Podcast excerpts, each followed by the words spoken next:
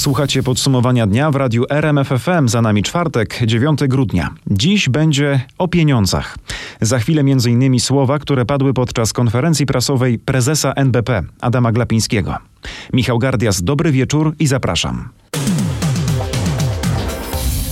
Podsumowanie dnia rozpocznę od słów profesora Adama Glapińskiego. Prezes NBP odniósł się do środowej decyzji o podniesieniu stóp procentowych. E, przypomnę, Rada Polityki Pieniężnej, jak mówiłem już wczoraj, podniosła stopy o 50 punktów bazowych, czyli pół punktu procentowego. Co za tym idzie, raty kredytów będą jeszcze droższe. No ale to była oczywiście konieczna decyzja, żeby poskromić, e, przynajmniej spróbować, poskromić ogromną, największą w tym stuleciu inflację. To 7,7%. Taką sytuację Glapiński tłumaczy przede wszystkim pandemią koronawirusa i drożejącymi nośnikami energii. Węgiel był ponad dwuipółkrotnie droższy w listopadzie niż rok wcześniej a gaz ziemny ponad pięciokrotnie droższy. Ropa 80% droższa. Jak ma nie być inflacji w wymiarze globalnym na całym globie i to dużej inflacji, podwyższonej znacząco, tak bym to powiedział, e, jeśli taki mamy wzrost surowców. W takim razie najważniejsze z pytań brzmi, kiedy w końcu towary i usługi przestaną drożeć tak bardzo? Jak to będzie z inflacją według NBP? To będzie tak, że ta inflacja się w tej chwili trochę wypłaszczy. Ona osiągnie poziom maksymalny, tak jak przewidujemy w grudniu, uwzględniając tarcze, nasze działania, ona będzie miała poziom maksymalny w grudniu i w pierwszym kwartale się zacznie obniżać a pod koniec 2023 roku ma zbliżyć się do poziomu celu inflacyjnego, czyli 2,5%. Tutaj możliwe są odchylenia plus minus rzędu jednego punktu procentowego. Ale co dalej? Czy dotychczasowe podwyżki stóp są wystarczające? Już teraz stopa referencyjna, czyli ta najważniejsza, wynosi 1,75%, czyli więcej niż przed pandemią. Nie mówię, że to jest tak znacząco, że doszliśmy do jakiegoś celu, który sobie wyznaczyliśmy. Podtrzymuję to, co powiedziałem poprzednio jest znacząca przestrzeń do podwyżki stóp, jeśli tego, będzie potrzebowa- jeśli tego będą potrzebowały okoliczności. Czyli kolejne podwyżki stóp niewykluczone. No wszystko drożeje, prawie wszystko i odczuwamy to każdego dnia. Po południu Sejm uchwalił ustawę o dodatku osłonowym. Według rządu ma on zniwelować rosnące ceny energii, gazu i żywności. Taka pomoc wyniesie 500 zł dla gospodarstwa domowego jednoosobowego, czy na przykład 750 zł dla dwu- lub trzyosobowego. To jest wsparcie dla tych, którzy ogrzewają ogrzewają swoje mieszkanie węglem. Pozostali dostaną mniejsze pieniądze. Na taki dodatek osłonowy mogą liczyć osoby, których dochód miesięczny nie przekracza określonych wartości. Wszystkie wytyczne mamy na naszej stronie rmf24.pl. Sejm uchwalił też nowelizację ustawy zakładającą utworzenie funduszu kompensacyjnego. Pozwoli on na ubieganie się o odszkodowanie, jeśli po szczepieniu u pacjenta wystąpiły niepożądane odczyny. Maksymalna kwota to 100 tysięcy złotych. Skoro mówimy o szczepieniach, to podsumujmy kolejny dzień pod względem pandemii. Zmarły 562 osoby chorujące na COVID-19. Potwierdzono 27 458 nowych zakażeń koronawirusem. To najnowsze dane z Ministerstwa Zdrowia. O województwach, w których sytuacja jest teraz najtrudniejsza, mówi Mariusz Piekarski. To Śląskie, Dolnośląskie i Wielkopolskie w tych regionach najszybciej przyrasta liczba zakażeń. Doskonale widać to na mapach powiatów z najwyższym współczynnikiem zakażeń na 10 tysięcy mieszkańców. O ile na Podlasiu i Lubelszczyźnie ten wskaźnik spadł do 3-4 na 10 tysięcy, to powiaty z najwyższym wskaźnikiem zakażeń to teraz Międzyrzec ponad 20 i Sulęcin ponad 15, w Lubuskim powiaty Nyski i Namysłowski w Opolskim i powiat wieluński, rekordzista, tam zakaża się teraz 20 osób na 10 tysięcy. To potwierdza tylko słowa ekspertów, że czwarta fala przesuwa się na zachód i jeszcze jedno, że szczyt tej fali będzie rozciągnięty, potrwa nawet kilka tygodni, a to oznacza mm, długie obciążenie szpitali pacjentami covidowymi, a można było tego wszystkiego uniknąć szczepiąc się. Na 100 osób, które trafiają do szpitali z powodu zakażenia COVID-19, 95 to są osoby niezaszczepione. Na 100 zgonów prawie 94 to są osoby niezaszczepione. Mówił w Sejmie wiceminister zdrowia Waldemar Kraska, Warszawa Mariusz Piekarski. To kwestia dni, może tygodnia i także w Polsce wykryjemy wariant Omikron koronawirusa. Przewiduje w RMFFM dyrektor Narodowego Instytutu Zdrowia Publicznego profesor Grzegorz Juszczyk. Nową mutację Omikron potwierdzono już w większości europejskich krajów. W Wielkiej Brytanii to już ponad pół tysiąca przypadków. Sekwencjonujemy bardzo dużo próbek, to jest ponad 2,5 tysiąca próbek w tygodniu. Sami jesteśmy zdziwieni, że w zasadzie tylko kilka krajów w Europie nie zidentyfikowało jeszcze. Jeżeli się pojawi, to najprawdopodobniej również z tego ogniska będziemy mieli wiele innych zakażeń. Takie są doświadczenia z innych krajów. A czy to, że omikrona jeszcze nie ma w Polsce, to może być optymistyczne? Na pewno tak, aczkolwiek y, nie możemy powiedzieć, że go nie ma, nie udało nam się go jeszcze zidentyfikować, ale myślę, że w ciągu dni, a może y, tygodnia ten wariant się pojawi. Z profesorem Grzegorzem Juszczykiem rozmawiał nasz reporter Michał Dobrołowicz. Pod jakimi warunkami szczepionki są skuteczne wobec wariantu Omikron? Przeczytacie o tym na portalu Twoje zdrowie rmf24.pl. Rzecznik Ministerstwa Zdrowia potwierdza nieoficjalne ustalenia RMFFM nie będzie szpitala tymczasowego na Pomorzu. Minister Zdrowia nie zaakceptował wniosku, który 22 listopada złożył w tej sprawie wojewoda pomorski Dariusz Drelich. Tym samym region, który w poprzednich falach pandemii miał aż dwa szpitale tymczasowe, nie będzie miał żadnej takiej placówki. Jak resort zdrowia tłumaczy tę decyzję? Wspólnie z wojewodą i NFZ uznaliśmy, że uruchomienie tego szpitala zajęłoby zbyt dużo czasu. Szpital po trzeciej fali został przywrócony do standardu funkcjonowania przed epidemią. Zapadła decyzja o powiększeniu bazy łóżkowej w pozostałych szpitalach, co zagwarantuje odpowiedni bufor. Tak w odpowiedzi na moje pytania napisał mi Wojciech Andrusiewicz, rzecznik ministra zdrowia. Fakt, szpital po trzeciej fali wrócił do standardu sprzed epidemii, czyli po prostu został zlikwidowany. W niedługim czasie szpital tymczasowy w Gdańsku zostanie e, otwarty. Tak rzecznik resortu zdrowia mówił jeszcze 1 grudnia, zaznaczając jednak, że wniosek wojewody pomorskiego wymaga doprecyzowania. Na pytania w sprawie szpitala tymczasowego Pomorski Urząd Wojewódzki nam nie odpowiedział. O czym mówił Kuba Kaługa. W Warszawie i okolicach są duże problemy ze znalezieniem respiratorów dla pacjentów bez koronawirusa. Alarmują ratownicy i dyspozytorzy. To skutek potężnego obłożenia szpitali pacjentami chorującymi na COVID-19.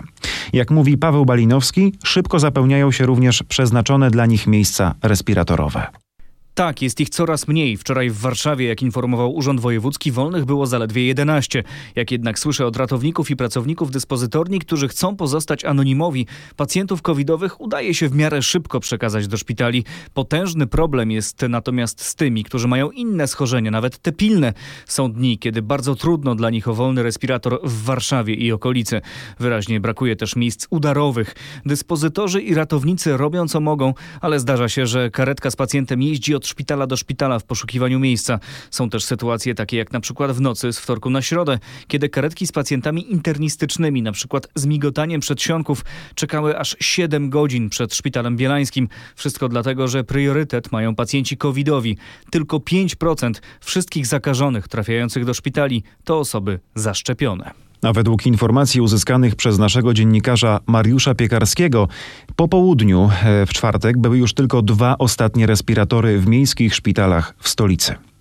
Kilkadziesiąt razy dziennie latamy do pacjentów z koronawirusem w poważnym stanie. Tak przyznaje w rozmowie z RMFFM szef lotniczego pogotowia ratunkowego profesor Robert Gałązkowski. Rozmawiał z nim nasz reporter Michał Dobrołowicz. Gdzie LPR ma teraz najwięcej pracy? Przede wszystkim w południowej i centralnej Polsce, czyli na Śląsku i w Wielkopolsce. Cały czas bardzo często te interwencje dotyczą ludzi młodych, nawet dzieci, podkreśla profesor Robert Gałązkowski. Jeszcze dwa tygodnie, gdyby pan mi zadał to pytanie, to bym powiedział, że średnia to jest 30 lat. Dzisiaj ta średnia idzie w kierunku 35 lat, ale też zaczęła gwałtownie dotykać dzieci do 12 roku życia, do 15 roku życia. My mamy pierwsze przypadki zgonów y, w wyniku COVID-u wśród dzieci. Dlatego lekarze apelują o szczepienia także dzieci i liczą, że zgodnie z zapowiedziami Ministerstwa Zdrowia za tydzień preparat przeciw koronawirusowi dostaną także młodsze dzieci w wieku 5-11 lat. Dopiero w przyszłym tygodniu do Sejmu trafi projekt o weryfikacji testów pod kątem zakażenia koronawirusem przez pracodawcę. Jak usłyszeli od posłów PiS dziennikarze RMFFM, przepisy są już gotowe. Czekają na zielone światło i kolejne posiedzenie. Roch Kowalski wyjaśnia, co ostatecznie znalazło się w ustawie. Na tej ostatniej prostej przed zgłoszeniem zmieniła się filozofia rozwiązania. Pracownicy będą mieli możliwość wyboru albo okazanie ważnego certyfikatu szczepieniowego, albo aktualny negatywny wynik testu. W ustawie nie zapisano jednak sankcji. Jak mówią politycy PiSu, by żadnemu pracownikowi nie stała się krzywda. W praktyce jednak przepis będzie prawie martwy, bo pracodawca w ostateczności będzie mógł jedynie wysłać podwładnego bez szczepienia i testu na płatny urlop. W ustawie znajdą się też zapisy o obowiązkowych szczepieniach medyków. Nakaz nie będzie powszechny. To dyrektor każdej z placówek będzie decydował, czy wymaga certyfikatów. W praktyce więc na przykład w jednej przychodni cały personel będzie zaszczepiony, a w drugiej placówce już nie. Obowiązek szczepienia pracowników oświaty i służb mundurowych jest planowany od marca przyszłego roku. Szczepionki przeciw COVID-19 są jednymi z najbardziej przebadanych i najbezpieczniejszych w historii szczepionek. Mówi w rozmowie z korespondentką w Brukseli dr Piotr Kramasz z Europejskiego Centrum do Spraw Zapobiegania i Kontroli Chorób. Z danych centrum wynika, że Polska od dłuższego czasu jest w grupie krajów, gdzie jest najwyższa liczba zgonów. A zdaniem rozmówcy naszej korespondentki Katarzyny Szymańskiej-Borginą, jedną z głównych przyczyn takiej liczby zgonów jest mała liczba zaszczepionych. Doktor Kramarz nie zgadza się z twierdzeniem, że szczepionki przeciw COVID-19 są słabo przebadane. E, jeśli chodzi o te szczepionki, to bazę danych na temat ich bezpieczeństwa mamy już ogromną. Ponad 7 miliardów dawek e, globalnie zostało podanych. Z ogromnej liczby danych wynika, że korzyści przeważają nad jakimikolwiek skutkami ubocznymi. Szczepionki te mają najwyższe standardy bezpieczeństwa. Dodatkowo Europejskie Centrum do Spraw Zapobiegania i Kontroli Chorób stworzyło specjalną platformę do badania skuteczności i bezpieczeństwa tych preparatów. Mój rozmówca zachęca do szczepień, bo wciąż najbardziej rozpowszechnionym wariantem koronawirusa jest wariant Delta, a przed nim szczepionki chronią. Od marca nauczyciele mają być zaszczepieni przeciw COVID-19. Ten temat pojawił się w porannej rozmowie w RMFFM. Gościem Roberta Mazurka był minister edukacji i nauki Przemysław Czarnek. Nasz dziennikarz pytał. Co z nauczycielami, którzy postanowią się nie zaszczepić? Od marca podobno będą mieli taki obowiązek. Ja będę dyskutował tu z panem ministrem Niedzielskim i z, w, w, ramach rządu. Ja nie jestem entuzjastą, najdelikatniej rzecz ujmując, przymusowych szczepień, yy, a już w ogóle nie jestem entuzjastą do tego, żeby przymuszać tylko niektóre grupy yy, osób i niektóre zawody. Ale Nauczyciele to, są osoby zaszczepione, to są osoby zaszczepione w ponad 80%, to jest bardzo duży to stopień pytanie, za, no zaszczepienia. Znaczy nie, 80% to I... znaczy, że co piąty nie jest. To znaczy, że co piąty nie jest, mniej niż co piąty, około 19% to, to są No osoby niezaszczepione, dobrze. 81% to zaszczepieni jednakowoż. Co piąty, panie ministrze, co piąty, tak, 19%. 4 piąte to zaszczepienie. Ja wolę patrzeć na tą szklankę Tak, ale wody. panie prawda, ministrze, to jest- Ale zostawmy to. ale to nie, ale ja będę jest- dyskutował z Panie panem ministrem Niedzielskim, dlatego że nas nie stać na to ewentualnie, żeby e, 19% nauczycieli, albo nawet 15, jeśli nie zechcą się zaszczepić, nie pracowało w szkole. To jest niemożliwe. Dlatego to trzeba naprawdę wielkiej rozwagi w podejściu do 1 co, marca. Albo się, znaczy to co, to będzie fikcyjny, fikcyjny przepis? Pa- Panie redaktorze, ja nie ja go wymyślałem. Proszę pytać pana ministra Niedzielskiego. Ja nie jestem, jeszcze raz powtarzam, żeby było jasne, nie jestem najdelikatniej rzecz ujmując entuzjastą Tak, pan jest przymusowych szczepień. przeciwnikiem przymusowych szczepień. Powiedział pan to parę razy. I pan Jestem zaszczepiony podwójną dawką, idę na potrójną, y, y, tak jak cała moja rodzina, tak jak również dziadkowie. Zgoda. Wszystkich zachęcam, natomiast no, bądźmy rozważni też w tym wszystkim. Ale jeżeli, jeżeli nie, jeżeli, no to pan, pan, panie ministrze, kiedy zapadną te decyzje w takim razie, co z tymi y, nauczycielami, którzy się nie zechcą zaszczepić? I jak będzie to w ogóle wyglądało, to sprawdzanie? Jeszcze raz powtarzam, nie ma mowy, żeby nauczyciele w jakikolwiek sposób tracili pracę w szkole, bo nas nie stać na to, żebyśmy od Innymi 1 słowy, marca, proszę państwa, minister- od 1 min- marca mieli, nie wiem, 10 czy 15% problemów kadrowych w szkołach. To jest po prostu Ja niemożliwe. państwu to przetłumaczę. Minister edukacji mówi, ten przepis będzie przepisem martwym od początku i tak ci nauczyciele będą pracować i tak. Nie, ja tylko mówię, że nas nie stać na to, żebyśmy mieli 15% braków kadrowych od 1 marca. To jest zupełnie jasne i musimy dlatego wypracować odpowiedni konsensus. Cała rozmowa Roberta Mazurka z ministrem edukacji i nauki Przemysławem Czarnkiem jest na naszej stronie rmf24.pl, a także do odsłuchania w formie podcastu na rmfon.pl. Zmieniamy temat. Konferencja prasowa Łukasza Mejzy z dowodami na rzekome uzdrowienia nie przekonała polityków Prawa i Sprawiedliwości. Kierownictwo partii oczekuje, że wiceminister sportu zawiesi swoją rządową aktywność. Jak przyznaje Roch Kowalski, od środowej konferencji zdanie władz PiSu się zmieniło. Rzeczywiście, bo jeszcze wczoraj politycy partii albo udawali, że tej konferencji nie widzieli, albo powtarzali jak mantrę, że czekają na wyjaśnienia zarzutów wobec Mejzy.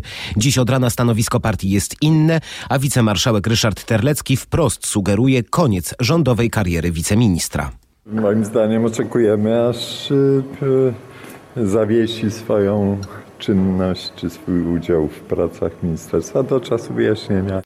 PiS czeka więc na ruch ze strony Mejzy, choć premier jedną własną decyzją sam mógłby odwołać go z rządu. Koniec kariery w resorcie nie oznacza jeszcze złamania sejmowej większości. Mejza nadal może wspierać PiS z ław poselskich. Otwarte pozostaje pytanie, czy nadal będzie chciał. A kilkumiesięczne badanie oświadczenia majątkowego posła Łukasza Mejzy, e, prowadzone przez Centralne Biuro Antykorupcyjne, nadal bez żadnych efektów. Jak dowiedział się reporter RMFFM, do tej pory prowadzona jest rutynowa analiza przedkontrolna dokumentów, które właśnie złożył parlamentarzysta. Co to oznacza?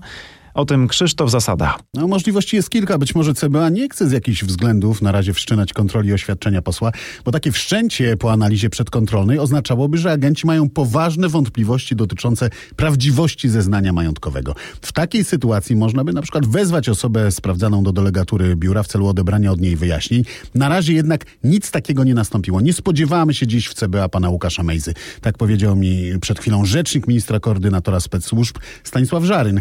Brak efektu efektów pracy agentów może też mieć inny powód, bardziej prozaiczny. Po prostu być może w oświadczeniu majątkowym kontrowersyjnego posła nie natrafiono dotąd na nieprawidłowości. To był Krzysztof Zasada, który w ciągu dnia zajmował się też innym tematem. Znany rajdowiec Leszek K. na trzy miesiące trafił do aresztu. O jego sprawie mówiłem wczoraj w podsumowaniu dnia. Krakowski sąd przychylił się do wniosków prokuratury w sprawie wszystkich sześciu zatrzymanych w śledztwie dotyczącym wyłudzeń podatków w handlu luksusowymi samochodami. Jak sąd uzasadnił swoją decyzję? Po pierwsze uznał, że areszt jest konieczny z powodu groźby matactwa, czyli wpływania na zeznania innych osób. Dodatkowo uznał, że popełnienie przez podejrzanych zarzucanych im czynów jest wysoce prawdopodobne. Ostatnia sprawa to wysokie zagrożenie karą. Podejrzanym grozi nawet 15 lat więzienia.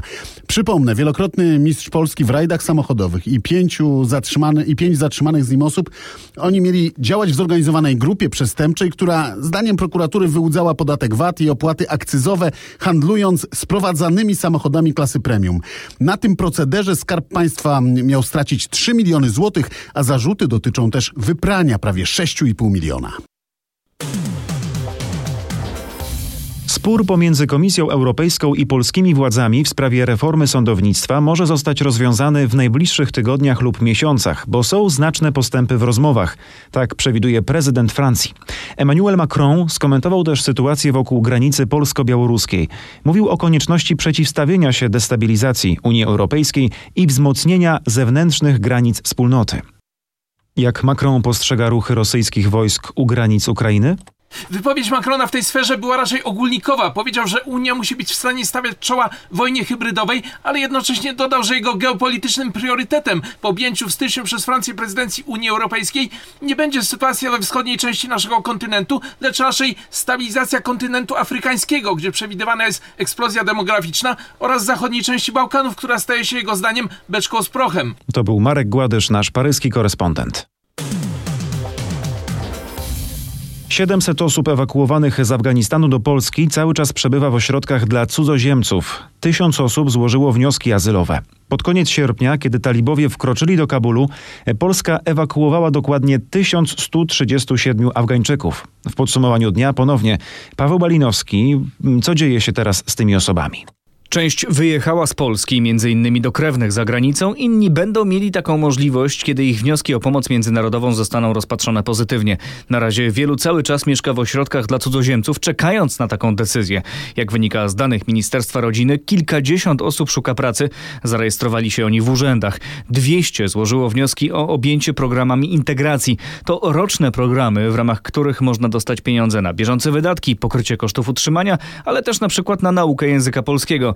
To więc e, co najmniej 200-osobowa grupa, która chce w Polsce zostać. No teraz będziemy ostrzegać. Zbliżają się święta i Sylwester, a co za tym idzie, zaczęły się pojawiać fałszywe oferty kwater pod Tatrami. Zakopiańska policja przyjęła już pierwsze zgłoszenia od oszukanych turystów. Maciej Pałachicki przypomina zasady, które pozwolą nam ustrzec się przed oszustwem. Należy przede wszystkim sprawdzić, czy hotel lub pensjonat w rzeczywistości istnieją. Jeżeli podany jest jedynie numer telefonu komórkowego, warto sprawdzić, czy jest także numer telefonu stacjonarnego i na niego zadzwonić. Policja radzi, by zachować całą dokumentację związaną z transakcją przelewy, e-maile. To wszystko może pomóc w ustaleniu sprawcy oszustwa. Sprawdzić, czy obiekt noclegowy ma swoją stronę, od kiedy ona istnieje i czy ogłasza się również w innych serwisach noclegowych, czy są tam jakieś opinie na jego temat. No i wreszcie, czy jest zarejestrowane w miejscowym urzędzie miasta. Wyjątkowo atrakcyjna cena nie powinna nas cieszyć, a raczej wzbudzić podejrzenie. Czujecie bożonarodzeniową atmosferę? Być może biegacie między pracą a domem po prezenty dla swoich najbliższych. Ciekawe upominki można upolować na przykład na jarmarkach bożonarodzeniowych. Regionalne przysmaki, tradycyjne produkty czy ozdoby świąteczne to wszystko można kupić spacerując ulicą Piotrkowską w Łodzi. Co ciekawego wypatrzyliście w tym roku, mm, panowie, na tym jarmarku? Co ciekawego wypatrzyłeś? Eee, langosa. Co to jest, powiedz? Taka pizza ze śmietaną. A tacie co się podobało? Co wpadło w oko? Ogólnie no jest tak jak co roku tak naprawdę. Przyjemnie, przyjemnie, w porządku. Dobry grzaniec, jest okej. Czuje się taki klimat świąteczny? Tak, tak, tak. Jest naprawdę, no klimacik jest. Pierwszy raz jesteśmy, więc za wiele nie, nie mogę. Bo dopiero, dopiero właśnie tu przyszłyśmy, żeby sobie obejrzeć, co jest ciekawego. Co do tej pory wpadło w oko? Córce lizaki. Arbuzowe. Wyglądały jak arbuz. A i skarpety, no bo pierwsze były, więc tylko to na razie. Szuka pani czegoś konkretnego? Znaczy wie pani co, no coś co mi w oko wpadnie po prostu. Na prezent czy dla siebie? Dla siebie, bo prezenty już pokupiłam wcześniej. O, ale Jestem pani... zapobiegawcza. Nowy smak śledzika. To jakie te śledzie nowe? No nie wiem, ze śliwką i z brzoskwinią jakaś sałatka. No właśnie nietypowo i sobie kupiłam, bo ja lubię tak Coś jeszcze wpadło w oko? Nie, no jeszcze nie. No, Idę dalej powoli, powolutku, sobie spacerkiem. Osypki.